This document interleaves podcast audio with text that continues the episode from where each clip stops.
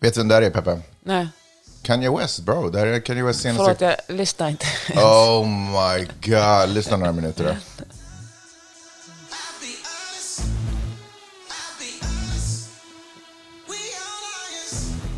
Det är ett hett album från Kanye West. Donda. Don. Snyggt Peppe. Googlar du nu eller?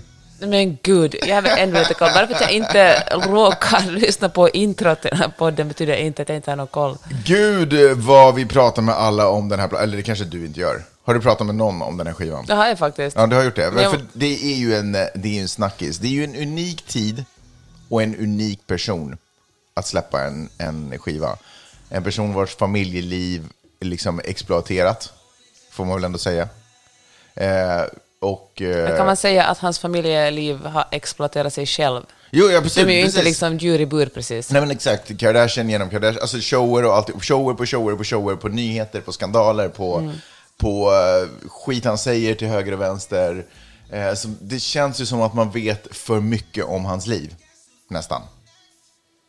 Är du med mig? Mm, Men, ja, men Kanye Wests liv, han är ju, han är ju ändå lite mer hemlig än, än hans exfru och eh, resten av familjen. Vart jag är på väg är att det här är ju en skiva som man är sådär, är den bra eller är den inte bra? Fast, ja okej, keep Nej, talking. men säg, säg ditt fast nu då. Herregud, kan jag... Men handlar. Folk klagar på att du, jag avbryter dig. För vad säger det här? Men, vadå? men lyssna på den och säg du är den bra eller inte bra. Det där att man sitter och tvivlar på är den bra eller inte bra, det handlar ju bara om exakt hur man ska profilera sig själv. Nej. Vad tycker gänget? Tycker, är det coolt att tycka den är bra? Är det coolt att tycka den är dåligt? Vad säger det om mig om jag tycker att den är bra eller dålig? Och den här ängsligheten gör mig galen. Lyssna på den. Mm. Tycker du att den är bra? Då är den bra. Good for you. Du måste inte tycka som alla andra. Tycker Men- du att den är dålig? Då är den dålig. Det här är som ingen Instagram-tävling. Ja, fast hörru, Eller hörru. det är det tydligen. Nu pratar du som om det var Carola eller Herreys som släppte en skiva. Så man bara så här, åh, kan jag dansa eller kan jag inte dansa? Den här skivan är mer än det, Peppe. Det är inte så enkelt i det här fallet. Därför att den här skivan är släppt av en person som ganska tydligt inte mår superbra. Eller hur? Så den är bra. Han är ju ett musikaliskt geni. Det går ju inte liksom... Han är ju, Det håller jag med om. Han är en genialisk producent. Det, det går ju inte att ta det ifrån honom, från honom. Men är det här en skiva som jag kommer palla och lyssna på? Det är det inte. Men Det är den är det inte. fortfarande bra. Förstår du vad jag menar? Ja, men inte riktigt. Alltså för att du inte bara orkar lyssna igenom den, eller för att du inte tycker Nej, att den är bra, det- eller för att du tycker synd om honom. Jag menar, han är väl inte den första artisten som mår psykiskt dåligt? Verkligen inte. Men så här, är det. nej, och han är inte den första artisten vars skivor jag inte pallar lyssna på heller. Så är det ju. Eh, men så här är det för mig, att musik, eh, konst överhuvudtaget, jag behöver konst som är på andra sidan av en process. Alltså, så här menar jag. Jag menar att man har studerat någonting, man har grävt ner sig i någonting, man har liksom kommit till någon form av insikt om sig själv eller om livet och så vill man kommunicera det. Exempel som jag kan tänka på till exempel är Kendrick Lamar. Han är uppvuxen där han är uppvuxen, han har studerat samhället runt omkring sig och han har med sin intelligens och sitt intellekt så har han sen på något sätt kommit till en slutsats som han vill kommunicera ut till oss. Eh, och då kan jag lyssna på den och så kan jag mer eller mindre relatera till vad han har gått igenom, men jag kan åtminstone förstå hans budskap. Är du med mig? Ja, men vet du, där håller jag inte med dig. För jag tänker, då är det tillrättalagt. Då är det liksom betraktat på avstånd. Tänk om konst är någonting som Fast- händer precis här och nu, om det är alla råa känslor. Att man inte ska liksom, det ska inte finnas någon analys i konsten, eller, eller analysen är upp till den som lyssnar eller ser. Och uh, det kanske är viktigt att en konstnär, in, här, inte alla konstnärer, nej men att en konstnär gör någonting när hen är på sitt sämsta eller som på det lägsta eller liksom när hen mår som sämst. Det finns kanske något intressant i det. Och därför är Kanye West platta skitbra. Men jag kommer inte palla lyssna på den. Därför att han går igenom, jag sitter ju och lyssnar på en person som mår dåligt. Han har inte kommit ut någonting än. Han har inte dragit någon slutsats. Han eh, droppar typ ingen klubbbanger på den här skivan. Okej, den är två timmar lång. Jag har faktiskt inte lyssnat. Ingen har lyssnat slut än. Nej, Lika okej. bra att vi bara erkänner det för oss själva. Jag håller på att jobba på det liksom. Men eh, som jag, jag har ännu inte hört liksom en klubbbanger där han liksom en klubbbanger är ju till för att liksom, nu drar vi igång, vi, liksom, vi kommunicerar ut till människor, det här är vad vi ska känna nu, kom igen, vi alla förenas kring det här. Det finns ingen förening kring det här, utan det här är Eh, Det här är, um, Okej, är det så här här? är Ulf Lundells dagboksanteckningar där vi får följa med honom under hans upplevelse. Ulf Lundells dagboksanteckningar är faktiskt jättebra. Jo, men inte i Kanye West-format. Alltså för mig att lyssna på. Ja, Förstår du vad jag menar? Så därför komplexiteten i att det är en bra skiva, men den går inte att lyssna på för mig. ja, jag tycker inte den där jämförelsen höll, för Ulf Lundells eh, dagboksanteckningar är väldigt redigerade. Åh, men, eh, herregud. men och verkligen, ja, vi behöver inte gå in på Nej, person. men det, här är en sjuk, det här är en sjuk man som ramlar. Och det kan, man, det kan vissa connecta med som kanske också mår dåligt. Eh, men jag känner att jag har redan personer i... Du vill bli underhållen, du, blir, stå, du står där, "Ent- please entertain me. Ja, därför att precis, samma sak som filmer, tv, musik, Mm. eh, allt, konst också, allt det, eh, det ska vara för min underhållning. Därför att i mitt riktiga liv så håller jag redan på Mm. att fundera på saker och, och, och jag har folk runt omkring mig som ramblar, som, sjuk, som är sjuka och ramblar.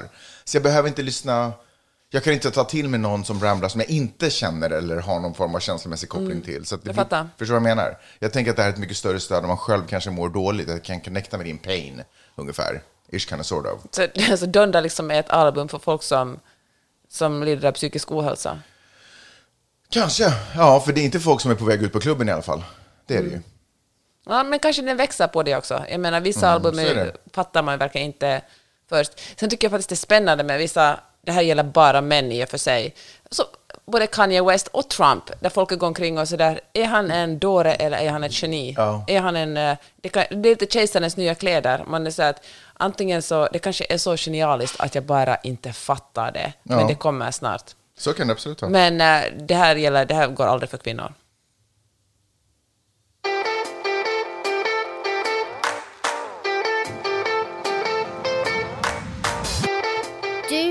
Lyssnar på Magnus och Peppes podcast.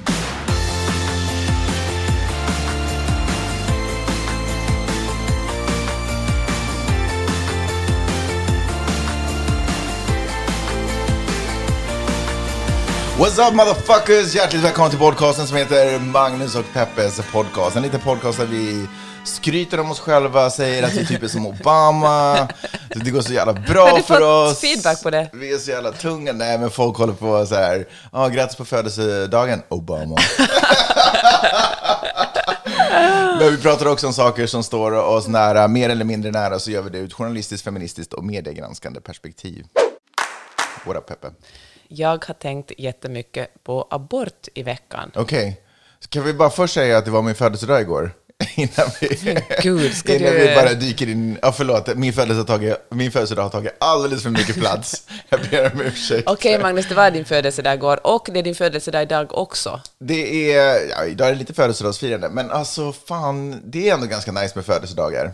Eh, hade en otroligt skön dag och jag har, jag kan, och det är också, jag sitter och väntar på, jag har varje år väntat på åldersångesten. Men den har ännu lyckligtvis inte kommit. Jag ser inte fram emot att det ska komma. Men jag tänker att den, jag vet inte, folk pratar så mycket om det, så jag tänker att det är någon, det är som mens, alltså det kommer liksom, om man är destined att få det ungefär. Men, men Kanske dina jämförelser. jag, bara, Men jag alltså Magnus, bara, jag mensen kommer aldrig att komma till dig. Jag vänta. väntar fortfarande, jag väntar fortfarande. Jag har eh, laddat upp med hundra tamponger. Nej, men jag bara menar att det är biologisk, självklart, ett Mm. biologiskt faktum man inte kommer undan att få ålders, eh, åldersångest. Men jag kan lyckligtvis, eh, nej men jag har verkligen inte fått det än och jag tycker det är fantastiskt. Att fortfarande bara kunna njuta av varje år som livet igen. Jag tycker det är grymt. Vad var det bästa som hände på din födelsedag? Bästa som hände på min födelsedag var när jag satte mig ner i en eh, stol eh, och sen tog en främmande människa tag i min fot och började pyssla mellan mina tår. Jag visste att jag inte skulle vara involverad i höjdpunkten Nej, på din det, födelsedag. det var ohyggligt trevligt. Men det var ingenting annat som var dåligt heller. Allting annat var liksom ungefär på samma nivå. Men det där var det ögonblick som sticker ut när du frågar. Därför att det gick från att jag har gått på fötterna till att någon plötsligt tog hand om Alltså jag tror att kontrasten bara var stor. Allting annat var bara nice. Eh, vi hade ju mysig middag på kvällen, oplanerad middag, vilket var ju, det är ju också roligt när det blir sådär, åh det här skulle inte hända, men så, så hände det. Så Ja. det, det var ju sjukt roligt. Trafiken var bra. Trafik, gud, vilken, jag hade verkligen födelsedagstrafik. Alltså bilarna bara, det var som att jag åkte ambulans med sirenerna på. Bilarna bara vek av åt sidan. När jag skulle in, de bara, varsågod den här vägen sir.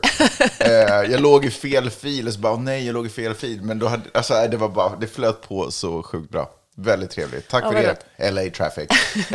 Fick du några bra födelsedagspresenter då? Jag fick ju en eh, jättestor surfbräda. Tack Peppe. Varsågod Magnus. Du ville ändå ta det lite till dig, vad du har gjort för mig. Peppe, du är, en, du är en magisk hustru. Varje dag med dig är en födelsedag. Nåja. Okej, ska vi tala om Ska vi prata om borta? Okej. Jag tänkte kort förklara Texas hjärtslagslag. Alltså i? Ja, så kallas den. Jaha, hjärtslag. Slag. Okej. Okej, det är ett svårt ord, men Mm. alla fattar. Det alltså handlar om att Texas har förbjudit abort efter vecka sex. Mm. Och de allra, allra flesta kvinnor vet inte ens om att de är gravida så tidigt in i graviditeten. Så i praktiken har Texas eh, förbjudit abort. Och eh, det är ju otroligt eh, sorgligt. Och det går ju egentligen mot grundlagen. I det USAs grundlag, så sen 1900, eh, 1973 gjorde man lag som Men vänta, får jag fråga en sak? Hela Texas? Alltså Ja. delstaten Texas, det är förbjudet att utföra eller genomföra en abort i delstaten Texas. Före, Trots det liberala efter Houston. Ja. trots de liberala storstäderna som finns i Men det är, Dallas. alltså, det är ju ingenting man har röstat om, utan det här är, är alltså folk som sitter och fattar... Men hur är det inte liksom riots i Houston, Texas just nu då? Men det är antagligen riots. Alltså, för det är ju det sjukaste jag har hört. Alltså, Att- du att man menar f- Austin kanske? Jag tror att Houston är ganska konservativt. Okej, whatever. Någon av de där. Jag vet att men storstäderna Ja, tenderar ja, att vara lite... fair enough. Därför Ja, det, är framförallt, liberala. det är väldigt många liberala som har flyttat från till exempel dyra städer som LA till de städerna för att det är Mm. lite billigare. Så de håller ju på att, eh, nu höll jag på att säga demokratiseras, men liberaliseras. liksom. Det är sant, alltså Texas håller ju på att bli en uh, swing state, ja. som ändå har varit en av de mest konservativa. Så det är hur att, är det möjligt att det går igenom? För det är ju ändå mångmiljonstäder. Men så här är det, för att man, för det första har man inte röstat om det. Och för det andra är det så att presidenten utnämner lagstiftare. Och Mm. när Donald Trump var president utnämnde han jättemånga konservativa domare och andra lagstiftare i delstaterna. Ja, fast de lagstiftarna måste ju ändå vara intresserade av att majoriteten av staten...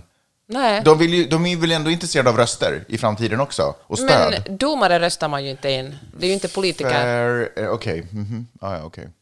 Men vad har de här domarna att vinna på det här? Eller är det deras genuina övertygelse för att de är liksom så djupt troende och har läst Bibeln helt upp och ner och ändå tror att det är så här som Gud vill ha det? Är det därför? Är, eller, eller är det en maktgrej? Vad är det? Varför, blir det så här? Jag tror att män generellt vill bestämma över kvinnors kroppar. Att det är bara en fetisch mer? Ja. Ja, hur som helst. Så um, den här lagen skiljer sig från många andra, för det, man försöker ju, alltså många delstater, många konservativa delstater försöker hela tiden skapa, eller stifta så mycket strängare abortlagar. Det är ingenting nytt med det. Men eh, då, tas de, då tar, kommer de en bit, då är det någon som liksom eh, lyfter upp den här lagen och säger att det här funkar inte, det här strider mot konstitutionen, för i grundlagen står att det är kvinnans rätt att, att göra abort fram tills fostret klarar sig utanför mammas mage. Och då säger Högsta domstolen, ja, ja, det stämmer, vi kommer inte ens att ta upp det här, utan det stämmer, den här lagen är grundlagsvi- grundlagsvidrig, strunta i den, vi fortsätter som förut. Men den här lagen i Texas skiljer sig eftersom här handlar det inte om att det är, det är en lag där privatpersoner kan, kan stämma andra privatpersoner och, eh, och abortkliniker. Vänta, vadå? Så lagen gör det nu möjligt för personer att stämma varandra, privatpersoner att stämma Precis. varandra? Så vänta, så det, men jag förstår inte vad lag, alltså jag förstår inte. Lagen säger, det finns en lag som säger att du kan stämma någon om, de, om den personen genomför en abort, Mm. eller ska genomföra en abort. Ja. Du kan, stämma en, du kan också stämma en abortklinik och en läkare och den som eh, förlorar målet måste betala 10 000 dollar till den som stämmer. Men grundlagen säger fortfarande att det är tillåtet att göra abort. Ja. The fuck? Ja, jag vet. Men det här kommer att, eh, det här kommer att eh, antagligen... Men, men för det första, Högsta domstolen sa det här skedet att de kommer inte att blanda sig i det här eftersom juridiskt är det tydligen möjligt. Tydligen har man som privat... Antagligen, så här förstår jag grundlagen. Okej, så man kan det- inte begränsa folks rättighet att stämma Precis, varandra? exakt det. Okej. Men, man kan, men man kan bestämma över en, en delstat och säga att den här lagen är inte, den här lagen med sex veckor är inte okej, men man kan inte bestämma att eh, privatpersoner får stämma varandra. Okej, men, men, man, se- men någonstans så finns det ändå tydligen att du kan också vinna ett sånt här mål. Du kan vinna ett sånt här mål. Men då undrar jag på basen av vad, om det ändå inte är olagligt? Fan, jag vet inte. Ja, det är okej, ingen, okej, nu får vi ta in en jurist i studion för att eh, förklara det här. Och vi välkomnar...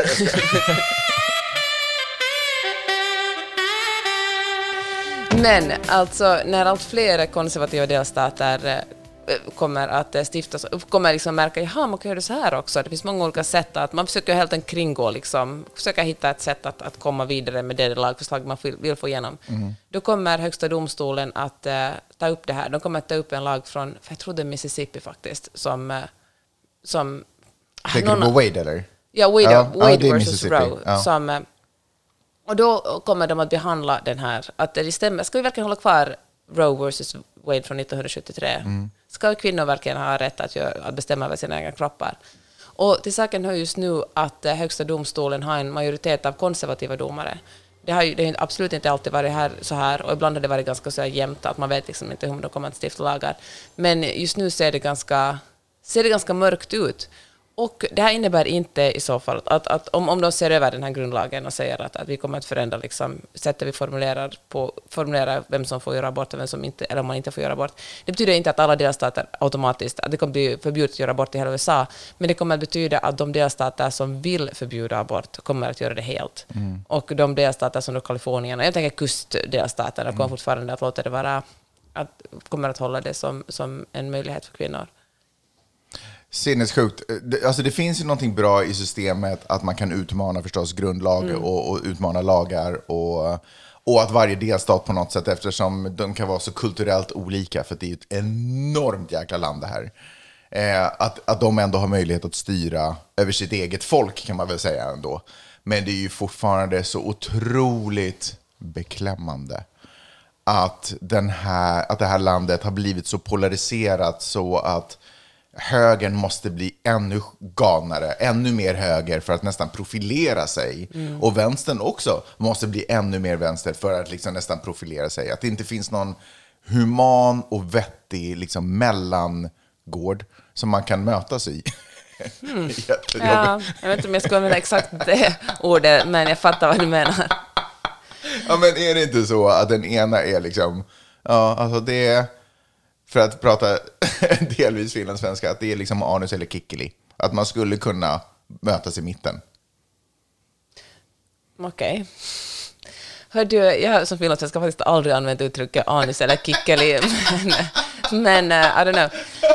Hur som helst, um, tre fjärdedelar av alla kvinnor som söker abort är låginkomsttagare. Och, Duh. och över hälften har en barn från tidigare. Alltså, som vanligt, som alla sådana här hårda lagar så drabbas det såklart de fattigaste. Vilket också är ett demokratiskt problem därför att om, eh, om unga kvinnor eh, liksom i de situationer som de hamnar i en barnfälla, för det är ju inte alltid så förstås heller, men i de situationer som de hamnar i en barnfälla så puttas de utifrån samhället för de har inte samma möjligheter att eh, vara en del av samhället och påverka och sådär för de har massa barn att ta hand om. Så det blir en demokratisk fråga också att den här gruppen skjuts längre och längre ifrån makten. Ja, eller jag tror också att om man känner sig att man inte riktigt tillhör samhället, att samhället svikit en, så är man kanske mindre sugen på att rösta. Vet du hur man pratar om den här striden mellan ont och gott? Eh, och så Jag har man- alltid tyckt att det är lite banalt. Ja, låt mig, låt mig stå för det banala i den här podden. Eh, den striden, ponera att den existerar, den kommer aldrig kunna vinnas av det goda. Därför att eh, det, det, det mörka, den, de, de, eh, därför de, de drar sig inte för någonting. Och det goda har ändå alltid någon form av värderingar som den lutar sig bak mot. Men det, men det dåliga har bara, de drar sig inte för någonting. Men eh, jag känner att ändå, det positiva är att det goda kommer aldrig dö ut, utan det kommer alltid finnas som en under. Men det är som att världen alltid kommer styras av lite mörkare krafter. Men styrs världen verkligen av lite mörkare Ja, krafter? jo, men det gör det. Det styrs av, eh, av eh, män huvudsakligen som mest ser om sitt eget hus. Ja, men Okej, fair enough. Tänker inte ställa mig här och börja försvara männen. Jo, nu får du ta den rollen Peppe. Jag, jag lurade in dig i en fälla. Nej, men det var ju otroligt beklämmande. Vet du om att i Texas, så har, jag tror att i hela delstaten Texas, så har man också nu infört en lag som säger att man inte behöver ha vapenlicens Jag läste också för om att skaffa det. vapen.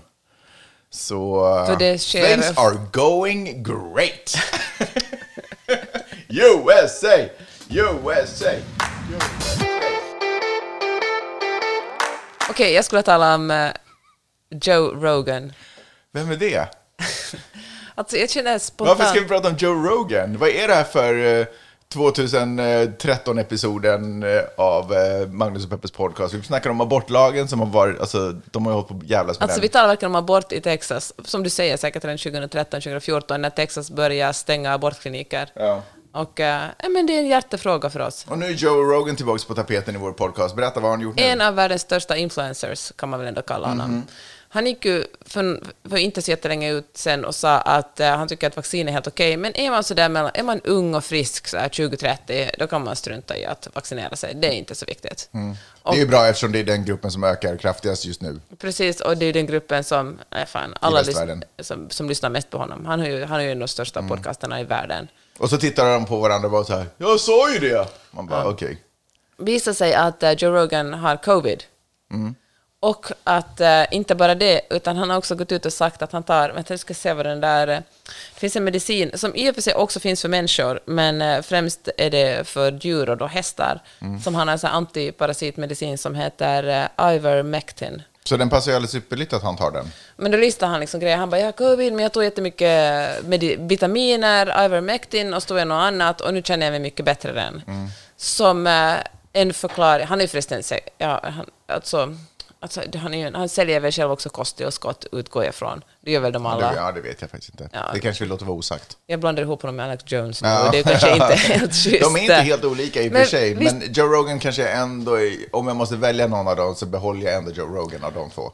Han är en polerad eh, Alex Jones. Nej, men Joe Rogan är inte så satt i sin, eh, å, Okej. sina åsikter som den andra duden är.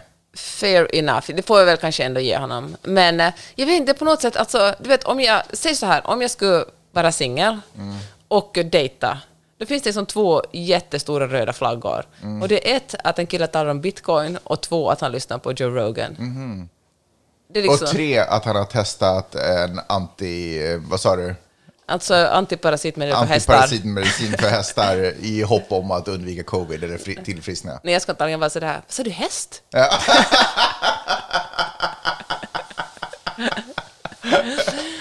Nej, men alltså, men jag tycker bara att det är så fruktansvärt. Du vet hur man, alltså, jag tycker influencers har så jättemycket makt. För att influencers jobb är att låtsas vara folks kompisar.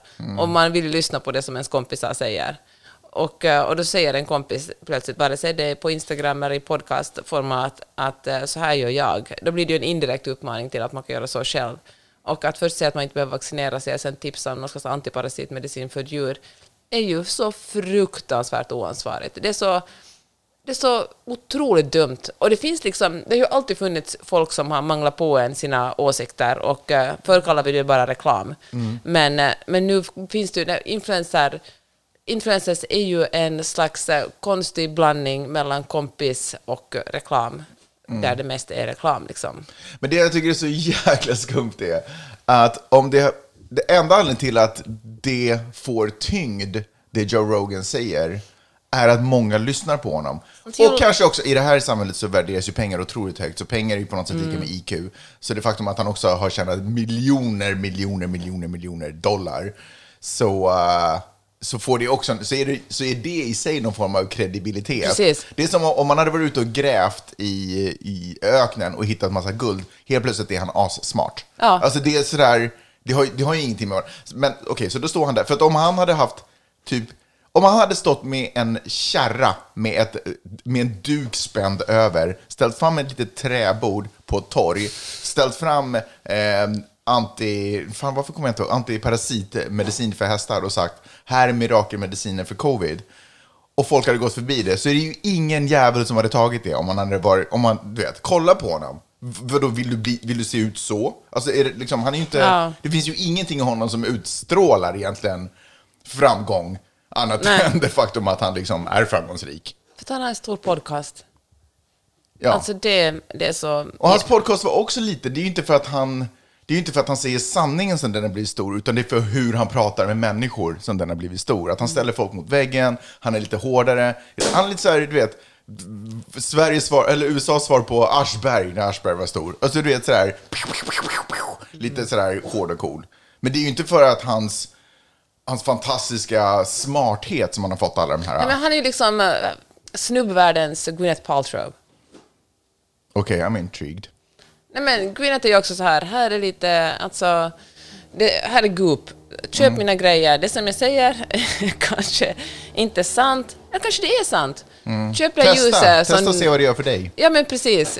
Alltså, sen med småtexter, att det här kanske inte... Alltså man köper, en, man köper ju inte en produkt, man köper en känsla. Mm. Och jag tänker att det handlar också om det som, som eh, Joe Rogan säger i sin podcast. Man köper inte sanningen, men man, det känns bra när man lyssnar. Ja, exakt. Och så tror jag också att man på något sätt känner om man köper eh, ett Goop-ljus eller något liknande så känns det att man kommer lite närmare Gwyneth. Det känns som att man kanske... Det luktar av hennes Ja. vagina. Jag menar, kanske vad sa du? att hon har ett ljus som heter... Att, het, det som doftar av hennes vagin. Okej. Anyway. Så, så eh, nej men då känner man så här, nu har jag en liten connection med Gwyneth. Nu är det typ, nu är det lite hon och jag på Insta. Men det är ju exakt det all influencerskap handlar om. Att man tror att man blir lite mer som den här hittepå-personen man ser på Instagram eller lyssnar på podden om man köper deras produkter.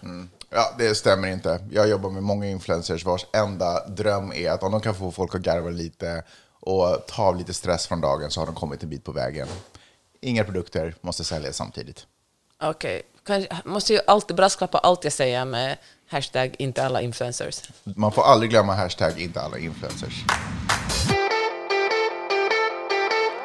Jag lyssnade på en eh, podd häromdagen som jag också kommer att tala om i min andra podcast, Skåpet. Men jag är nyfiken... Ja, men, jag, egentligen vill jag att du ska lyssna på den, Magnus, samtidigt som jag inte vill att du ska lyssna på den. Den heter Manskvällen. Får jag, vi kommer till det. Får jag ändå bara ta ögonblicket när du nu ändå nämnde skåpet. Vilken fantastisk jävla podcast det är alltså. Alltså tänk om Joe Rogans podcast var som den. alltså, och då menar jag i liksom eh, hur högt den skulle vara värderad och hur många som skulle lyssna på den. Det är för, eh, alltså, många lyssnar på den, det ska jag inte säga någonting om, men den har verkligen, alltså om du inte lyssnar på den så lyssna på det här. In och lyssna på skåpet, det är verkligen eh, Men hur skulle du beskriva den då? Varför tycker du att den är så bra? för det första så är den, eh, ni tar upp sjukt intressanta ämnen, ni pratar om, ni är ju tre olika, helt olika personligheter. Och, och det är ju det, och- för det första, att bara få en podcast att funka med tre programledare, eh, har jag, jag, jag skulle aldrig rekommendera tre personer att starta en podd tillsammans. Men, men ni lyckas ändå, dels också lite för din finlandssvenska, att ni låter också olika, så det är ganska lätt att särskilja er alla. Men ni har också helt olika infallsvinklar, ni är olika till personlighet liksom. Ehm, Vilket gör att den blir sjukt dynamisk. Och ni tar upp intressanta ämnen, ni är alla sjukt smarta eh, och ni är framförallt sjukt roliga. Så det är, alltså, nej, det, ja, det är en perfekt mix. Vet du Magnus, ingenting gör mig på så gott humör som när du klipper den och så sitter du och skrattar. Ja, nej, men jag gör verkligen det. Jag skrattar eh, alltid till den podden. Jag tycker den är faktiskt grym. Så om du inte lyssnar på Skåpet Podcast, så in och gör det. Det finns avsnitt där ute, så enjoy. Va varsågod, ska jag säga. Från mig till dig. På måndag kommer det ut ett nytt avsnitt och då talar vi om podd som heter, eh, en dokumentärpodd som heter Manskvällen. Ja. Som handlar om män som har känt sig vilse i det moderna Åh samhället. herregud. Åh herregud. och eh, vill eh, hitta sig själva på nytt. Och eh, de här männen, jag tror det är fyra män som figurerar i den här dokumentären, det är P1-dokumentär, alltså på Sveriges Radio. Och, eh, och de eh, är där under fingerade namn och berättar öppet på Så hur de är i alla fall stolta över sin process. Verkligen. Okej, det börjar, de träffas tillsammans en kväll och då kramar de alla varandra hårt. Och det här är liksom ingenting att... Eh, Nej, låt oss stanna vid det unika ögonblicket då män kramar varandra hårt. och sen säger de så här... Okej, låt oss gå vidare. Och, eh, och, det, och det, det finns ju ingenting egentligen att kritisera där. Det är ju jättefint män som kramar varandra. Det, ja, men det är super weird att säga mm medan man gör det. Ah, ja, okej. Det är så hemskt, jag vill verkligen inte vara Men den vem fördömande. gör så? Det är inte normalt beteende. Varför måste man göra fina ögonblick till konstiga ögonblick? Vet Varför vad? att folk tappar fotfästet? Därför att en fråga om lite jämställdhet skulle vara nice i till exempel politik, bara rubbar allas världsbild. Precis, och grejen är den att det, jag känner att allt med den här dokumentären, eller den, uppenbarligen var den jätteintressant eftersom jag tänkt så mycket på den och liksom pratat så mycket om den, men den, eh, allt är en performance. De här männen är vilsna och så försöker de hitta ett sätt att förstå främst sig själva. Jag önskar att man hade försökt förstå det liksom moderna samhället och den kulturen vi lever i lite mer. Men i grund och botten vill de bara förstå leva, de vill må bättre och liksom leva, de vill göra livet bättre för sig själva. Och då, en av de här männen, han lever ett superjämställt liv med en kvinna och uh, typ blir intervjuad för att det är så otroligt, på hans företag han jobbar på, det är så otroligt att en man vabbar och en man tar föräldraledighet. Han får liksom ställa sig upp på en scen och berätta om sitt fantastiskt jämställda liv. Men det går ändå inte speciellt bra med hans hustru och deras relation tar slut. Träffar en annan, lever på samma sätt, väldigt jämställt. Eh, den tar också slut, den relationen. Och till sist kommer han på att han vill egentligen gå på tantrafestival. Träffar någon där, där träffar han en kvinna som eh, tar honom tillbaka till 50-talets könsroller där han tar hand om familjen ekonomiskt och hon tar hand om honom och växterna och lagar god mat på bra råvaror från scratch. Och, eh, och det är på något sätt det som, eh, det som jag får med mig av den här eh, podcasten är att de här männen, de är verkligen inte intresserade av någonting annat än att leva ett liv där det, var, det är ingen riktigt utmanade mansnormen. Där det liksom där, eh, nej, men det är härligt och självklart att vara man och uh, vara den som har den makten och den ekonomiska makten och den som får ha det skönt när man har sex och den som uh, men får välja och vraka och göra vad man vill i världen. Det är jobbigt i det här samhället. Det kommer folk som är kvinnor och kanske människor av annan hudfärg och kulturer och andra obehag och folk som inte ens är liksom, transpersoner. Allt som liksom, finns utanför de traditionella könsrollerna och man är man, kvinna kvinna är lite obehagligt för dem och nu har liksom gått in i någon slags process för att uh, återuppfinna den här tiden. Vilket ju också på något sätt är en performance, för det går ju inte att uh, åka tillbaka alltså i tiden. Nu lever vi det här. Det ska bli så uppfriskande dokumentär det ska handla om när männen istället var sådär okej, varför är det så här? Låt mig försöka förstå världen istället för att låt mig fokusera ännu mer på mig själv. Exakt, för de, det är ju ingen ambition att försöka komma ikapp. Att sådär, att jag kan förstå sådär, att man vaknar upp med känslan bara shit, vad händer med livet? Varför? Jag har ju inte hunnit sätta mig ner och fundera på vad jag själv tycker om och vad som, vad, vad som är viktigt och vad är, vad är det som pågår här utanför min dörr. Jag har bara kastats in i skola och sen så kastats in på en arbetsplats och nu har jag suttit där i 20 år. Jag kan förstå att man är sådär, vem är jag och var hör jag hemma liksom? Men att en del av det finnandet aldrig handlar om att studera hur världen ser ut runt omkring, utan det handlar bara om vad jag tycker är kul då, det är ju för fan ingen utveckling. Alltså utveckling kräver att det är jobbigt, att det gör ont, att man svettas och att man anstränger sig. Det, då genomgår man ju utveckling. Om man liksom börjar hitta så här, och allt det här är liksom tranquilo, allt är lugnt. Det finns ingen utveckling kopplad till det.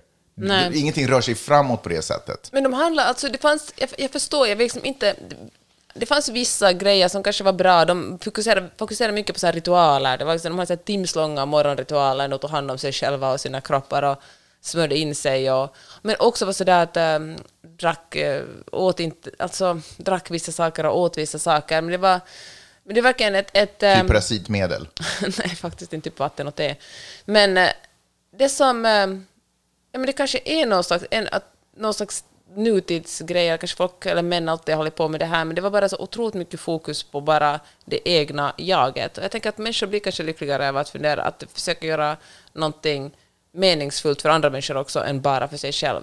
Hundra procent är det ju det som, alltså det är klart att man ska ta hand om sig själv och göra saker för sig själv, men liksom, livet kan ju inte gå ut på att jag bara gör saker för mig själv. Man måste ju vara en en student i livet, men man måste ju också vara en lärare i livet. Man måste ju ge saker och ting till andra människor. Det är ju så vi utvecklar samhället, det är så vi utvecklar världen. Det är ju därför vi är där vi är. Därför att vetenskap, upptäckter och insikter har spridits genom böcker, genom kultur, genom konst, genom vetenskap. Som har gjort att vi alla kunnat elevera till den här mm. nivån. Men nu helt plötsligt är det som att, ja, ah, nu känns den här nivån jättejobbig, så nu nu måste vi backa bandet lite och, gå, och liksom på något sätt bara, nu ska vi bara sitta i bäckar och, och köra Donda chants. Men det som, jag ska sluta tala om den här, ni får själva lyssna på den. Men det som Nej, också... lyssna inte på den där. Eller måste man lyssna på den? Nej, man måste faktiskt inte lyssna på den. Jag tror att man, om man lyssnar på den här podden och skåpet tror man fattar. Men för vi lyssnar tillräckligt ja. mycket på mäns fucking panikångest över att de inte kan bara ta dig fan i kragen, skarpa, upp på tårna, rör dig framåt, intressera dig för din omvärld, gör någonting för någon annan människa. Gör någonting för någon annan. Det här, fan vad jag hatar män som, kanske några kvinnor, och, men, och människor som aldrig någon som gör en uppoffring för någon annan, som aldrig riskerar någonting för någon annan, som aldrig liksom... Exakt. Som bara kan tänka på vilket sätt gynnar det här mig. Exakt. Våga stå lite på... en- När det är lite ojämnt underlag. Bygg fast en min... Ja, våga stå på lite ojämnt underlag. Höj din röst för någon annan. Gör någonting för någon annan. Hjälp någon annan. Hela tiden det här... Ja, jag måste titta inåt. Jag tittar in. Fucking titta utåt någon gång. Det, inåt är det väl dit du har tittat hela ditt liv. Du tror att du har gjort massa saker för andra människor bara för att du har gjort som andra människor har sagt. Det är inte samma sak. Gör någonting för andra människor. Eh, hjälp andra människor, stöd andra människor. På så sätt så tror jag också att du kommer hitta din inre resa. I USA håller ju den östra delen på att eh, regna bort, eller blåsa bort, medan den västra delen håller på att brinna upp. Och, eh, Så bäst är det i mitten, som alltid. fast där får man inte göra bort. Nej, Så att, eh, mm. Nej men, eh, jag läste en artikel i New York Times som handlar om hur vi precis har kommit in i den stora klimatmigrationen. Alltså, redan nu är det så här att, att folk åker bort, så folk som bor liksom på ställen där det brinner, alltså rika människor då, de bara, fan nu det är fire season, så nu flyttar vi till vårt andra hus som ligger på ett ställe så det är bättre klimat den här tiden på året. Och eh, att eh, vi kommer, det här är som nu de första små pyttestegen, att det kommer att ske allt mer. Först det här med att rika människor har två ställen eller tre ställen att bo på, men sen också helt enkelt vanliga medelålders och, liksom arbetarklassmänniskor märker att fan, det går inte att bo här. Det är för hett, det brinner för mycket, eller eh, det är för många översvämningar och är tvungna att helt enkelt dra. Och det ska bli spännande att se hur det kommer att påverka USA, hur USA kommer att se ut om liksom 20 år. Jag har inte ens tänkt på, på den, på immigration, nej, migration på, från, det, från det hållet, från, eh, på det sättet. Att man bara, att det är säsongsmigrering, liksom som flyttfåglar som åker fram och tillbaka där det, där det är bäst att vara. Jag har inte tänkt på det. Och, det. och det är ju precis, det är ju bara någonting som rika kan göra. Speaking of, borde vi skaffa ett hus lite mer in mot mitten? Nej, jag skojar bara. Nej, men det, ja, just det, precis. Eh, och, och då tar man upp ännu mer mark som andra människor inte skulle kunna bo på. Och kanske är det alltså, ja, men säkra ställen som är säkra och ganska soft klimat på kommer bli också jättedyra att bo på och det skuffas ju folk som förr kanske har bott där ut till andra platser. Med det sagt så har det väl inte varit så mycket bränder här nu på västra sidan? Eller de kanske kommer nu? Det brinner ju jättemycket i norra Kalifornien. Åh, oh, gör det? Jag har helt Alltså, missat det. Supermycket. Det där är ju också lite obagligt. Nu har ju inte vi varit... Lake Tahoe är ju liksom... Jag menar, jag är ju inte född och uppvuxen här, men jag känner att jag redan nu, bara på de här få åren som jag har bott här, har börjat bli blasé inför liksom bränder och jordbävningar och andra natur... Okej, jordbävningar är en annan sak, men just bränder och naturkatastrofer på det sättet. Det är väl ett jättestort problem med, med klimatkrisen, är det att den smyger på sig så långsamt, eller både snabbt och långsamt, men att uh, den, allt, människor liksom har ju en tendens att normalisera allting. Att, eh, det har ju alltid brunnit i Kalifornien, måste man ju också säga, men det att bränderna är så otroligt stora, det är ju det som klimatkrisen har, har gjort. Och uh, med det att man är, ja just nu är det fire season igen, ja men då kommer antagligen halva Malibu att brinna upp, eller nu liksom, i år drog, var det så och så många vingårdar som brann upp. Det är ju otroligt att man kan bli blasé för något sånt.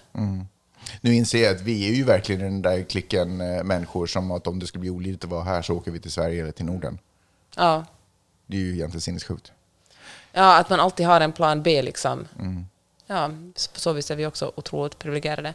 Men eh, jag tänker att det här med liksom klimatmigration är något som ah, vi kommer att tala jättemycket mer om. Men också som du sa, alltså klimatflyktingar, det är ju någonting som, är, som finns, eh, som är jättevanligt. Alltså det är folk som kommer från från eh, Guatemala och eh, Honduras, Nicaragua och ställen där, El Salvador till exempel. Då kommer, folk flyr ju förstås våld också, gängvåld är ju otroligt och korruption och så vidare.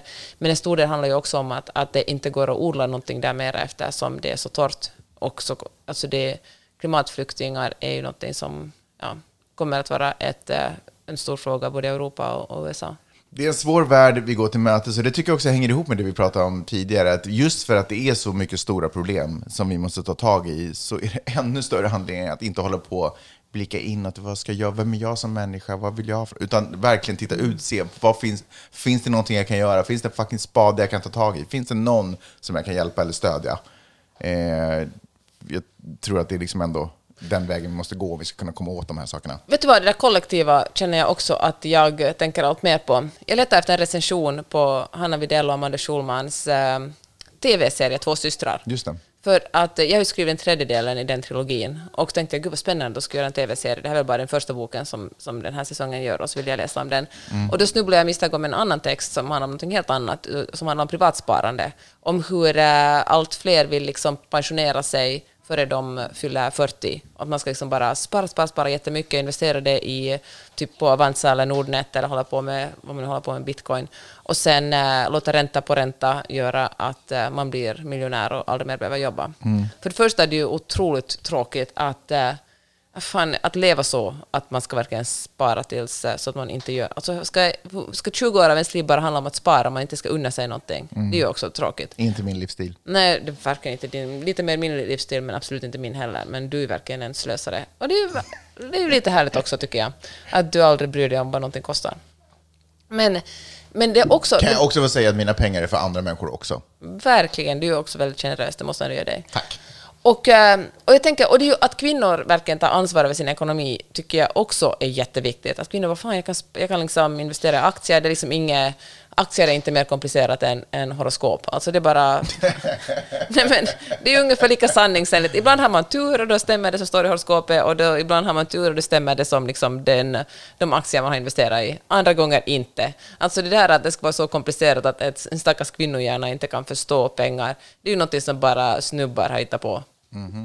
Men så jag är för att kvinnor verkligen tjänar mycket pengar, investerar pengar, men också den här besattheten av att få ränta på ränta, Avanza, Nordnet, liksom, liksom aktiesparare, det är ju också någonting som bara individuella, individuella projekt för att jag som privatperson ska bli rikare. Mm. Tänk om man istället hade liksom satsat på det kollektiva. Hur kan vi få lyfta hela samhället? Hur kan vi jobba på, liksom, kanske engagera oss i facket, så till att liksom de som eh, jobbar på, de som jobbar som essential, vad det nu är, yrken, liksom kan få en högre lön, få mer semester. Det här gäller ju ännu mer i USA. Och eh, där man verkligen har knappt några rättigheter alls som arbetstagare. Jag lyssnade på en podcast som handlar om, om eh, algoritmer, on the media heter den, och det handlade om att, att eh, man, alltså, man använder algoritmer till allt, och det kan vara bra och dåligt, men det finns också algoritmer här för folk som jobbar på hamburgerrestauranger och liksom också kassor som räknar ut att de får exakt så många skift att det inte räknas som de ska vara heltidsanställda och då kan de därför, därför behöver inte arbetsgivaren betala dem eh, sjukförsäkring. Att man hela tiden håller folk som liksom löneslavar så de inte får några rättigheter men de ger, liksom, ger maximalt till företaget. Det är så himla Ah, jävla sorgligt. Men tänk om, om det fanns liksom lite mindre fokus på hur man kan öka sin egen privat, liksom få sin egen privatekonomi att växa och liksom lite mer fokus på hur vi kan lyfta allesammans. Det, de tankarna fanns ju en gång i tiden. Men det, det är som att vi har helt tappat eh, eh, kollen på det. Alltså de tankarna finns ju fortfarande. Jag tror bara att eh, man måste, vi måste bara formulera dem högt. Det finns verkligen politiker som jobbar för det här och människor som skriver om det. Men det är så lätt också att någonting blir normen. Alltså om, om, eh, det går, allt går ju i trenden. När alla talar om liksom, att nu ska vi investera i aktier, då blir det ju liksom, ja just det, så här som man lever livet. Alla, alla ska liksom lägga över. Om det så bara är liksom 200 kronor i månaden på, på aktier, då fan, då gör jag det. Eller indexfonder eller vad man nu håller på med. Och då blir det liksom, då är det, folk håller på med sina vardagsliv och försöka få tillräckligt mycket sömn och kolla på tv-serier och ta barnen till skolan och bestämma sig när man ska äta middag med andra människor. Då har man liksom inte tid att, att stanna upp och tänka på hur ska samhället se ut, vilket samhälle vill jag leva i, utan man bara gör som alla andra gör, det som det skrivs om just nu i tidningarna och sen följer man det. Men, ehm, ja, men jag tänker att ska vi bryta den här jag Gud vilken kommunist jag är i den här podden, men, men här sitter jag i mitt Santa Monica-hem och köpte en surfbräda och är den största kommunisten. Men jag tycker faktiskt Men att vi du måste har handla Mao-flaggan varandra. ovanför tvn. Fair enough. Har vi sett något roligt på tv? Vi har, eh, jag tyckte faktiskt att eh, White Lotus på HBO var... eh, Överskattad. Den var lite överskattad. Jag fattar det är satir och att det är roligt. Det kommer liksom att, men, jag, men den här liksom, att alla som vill verka smarta tycker att den är bra, kanske gjorde mig sådär, "Åh, var den verkligen så bra? Vet du vad jag tycker är roligt med White Lotus är att jag hör ju ofta folk i poddar som pratar om den, bara, åh, du måste titta på den här. Och alla beskriver den på olika sätt. det är som Är det att- sant? Det är att- som Donda. Det är som att det finns ingen konsensus kring vad det här Jaha. är ens för sorts tv-serie. Vad har Alltså, dina är- influencers sagt då? Nej men är det en komedi eller är det ett mordmysterium? Alltså det är som att Jaha. ingen, ingen vet riktigt, eller någon tycker det, någon bara åh den är superspännande, det var inte så bra den första avsnittet men det blir skitbra sen, sådär. sen börjar man lära känna Det var ju satir på hur vita rika amerikaner lever sina liv. Herregud, det var ju självklart. Vad... Det kan, det kan finnas en förklaring att det var vissa av mina poddar som missade satirdelen, för de bara såhär, oh, det handlar om semesterparadis, allt är nice. Mm. Ja, skitsamma. Nej, men eh, skulle du rekommendera den ändå? För att jag, du stal ju eh, myset kring den från oss. Jag räddade dig från den. Ja, okej, du ser det mer så. Ja. Nej, alltså jag, jag tycker verkligen inte den var dålig, det vill jag inte säga. Jag tyckte den var bra satir, men den är ju så otroligt hypad så jag tänkte att äh, jag besparar dig. Du, du skulle tycka att den var alldeles för långsam. Mm, okej. Men- jag, jag, vill ha lite, jag är ju MTV-generationen, så jag vill ha snabba klipp bara, så att det rör sig framåt. Dang, dang, dang, dang, dang. Ingen under 40 har någonsin refererat till MTV-generationen. Hur som helst, den tv-serie som jag ser jättemycket fram emot är American Crime Story, som gjorde en så sinnessjukt bra säsong om O.J. Simpson. Ja. De, det kommer en ny nu som heter eh, Impeachment, som handlar om eh, Monica Lewinsky. Mm. Och uh, alltså jag är nästan så jag får liksom gåshud när jag tänker på hur mycket jag kommer att njuta av att se den. Wow. Och jag fattar inte hur du inte Kommer du kan vara sätta pepp på dig den. så här, uh, dina finaste underkläder, du kommer liksom fixa håret och verkligen piffa till dig. Liksom. Ta en, en, en sån här stor baljakopp med eh, te och sitta och mysa. Men Herregud, vem är du egentligen? Vem, Tända doftljus som luktar vagina, kanske. Ja, den, ja, nej, alltså, ja, eller vem vet. Men, ehm, ehm, jag, nej, men... Kom så- du av dig nu? Jag kom verkligen mig. Varför, varför kommer det konstiga saker? Du säger, ingen har väl någonsin sminkat sig för att se på TV. Det är väl fördelen med att se på menar- TV, att man inte behöver... Du sa att du fick gåshud när du eh, tänkte på att Ja, du skulle... i alla fall, för jag tycker att Monica Lewinsky är en av de mest underskattade och kvinnor i samtiden. Mm. Alltså, fy fan, tänk att hon bara tog sig igenom det hatet hon var tvungen att utstå och den förnedringen och den liksom bristen på total maktanalys. Liksom USAs president som vanligtvis brukar stoltsera med att vara liksom the leader of the free world. Mm. Plötsligt så var han bara liksom en... eh, Det är ju inte han som går omkring och kallar sig själv för... Alltså det är ju Det är ju hans, klart de ju, gör det. Det är ju hans tagline från alltså det amerikanska folket. I alla fall att han bara var en, liksom, vad säger man, han, han blev lurad av den här that woman. Han ville verkligen ingenting, men så bara kom den här fruktansvärda, vad var hon, 22-23-åringen och förförde honom. Alltså, hon var praktikant, det, fanns, det var ju så långt från metoo som, ja, men det var ju ett äkta, ja men ni fattar, vi vi talar om det här i podden. historien, vi I alla fall, alla. hon, Monica Lewinsky, hon är producent till den här, hon är medproducent till den här tv-serien. Och eh, så jag utgår från att det handlar om hennes perspektiv och det blir en lite annorlunda maktanalys än vad vi tidigare har sett. Så den eh, rekommenderar jag. Min stora kärlek ligger ju eh, i eh, Ted Lasso. Andra ja. säsongen är ute, alltså jag älskar den. Med det sagt, det är, första säsongen var ju så jäkla grym för man bara wow, en positiv serie rakt igenom. Man kan vara Så snäll bara- och rolig. Bara, bara feel good. Nu är den, den överraskningen är ju liksom, den, den, vad heter det, den förtrollningen är ju över. Eh, men fortfarande en, en supermysig serie att kolla på. Jag gillar den. Och så går jag bara kolla på en ny serie, eller ny, den är, andra säsongen kom också ut där, som heter Sea. Men den kommer ni, ingen av er kommer någonsin titta på den, så jag kommer inte ens gå in på vad den handlar om. Men om ni är som jag, om ni känner att ni är lite så här, Ni är lite mer Magnus än Peppe i här podcasten. lite mer Magnus och Peppe, så kanske ni kommer vilja titta på den också. Anywho's, nu ska jag ta min son och en bräda under armen och så ska vi dra ner till Stilla havet och så ska vi testa lite vågor. Do it. Vi eh, hörs om en vecka. Det gör vi. Ta Får jag också bara säga tack för att ni har lyssnat. Ja, det var fint gjort av er. Ja, Tipsa en kompis kanske om den här podden. Absolut, och eh, tack för alla gratulationer. Det är ju fantastiskt roligt att ni hör av er och säger hej och på Insta och vad ni nu har hittat mig. Jag tycker det är, man blir bara glad i själen. Eh, så det är jätteroligt. Grattis till eh, Kjell Hell i Helsingfors. Han fyller år. Ska vi börja med det här i podden? Vi listar folk. Istället för Facebook så framför vi våra gratulationer i podden.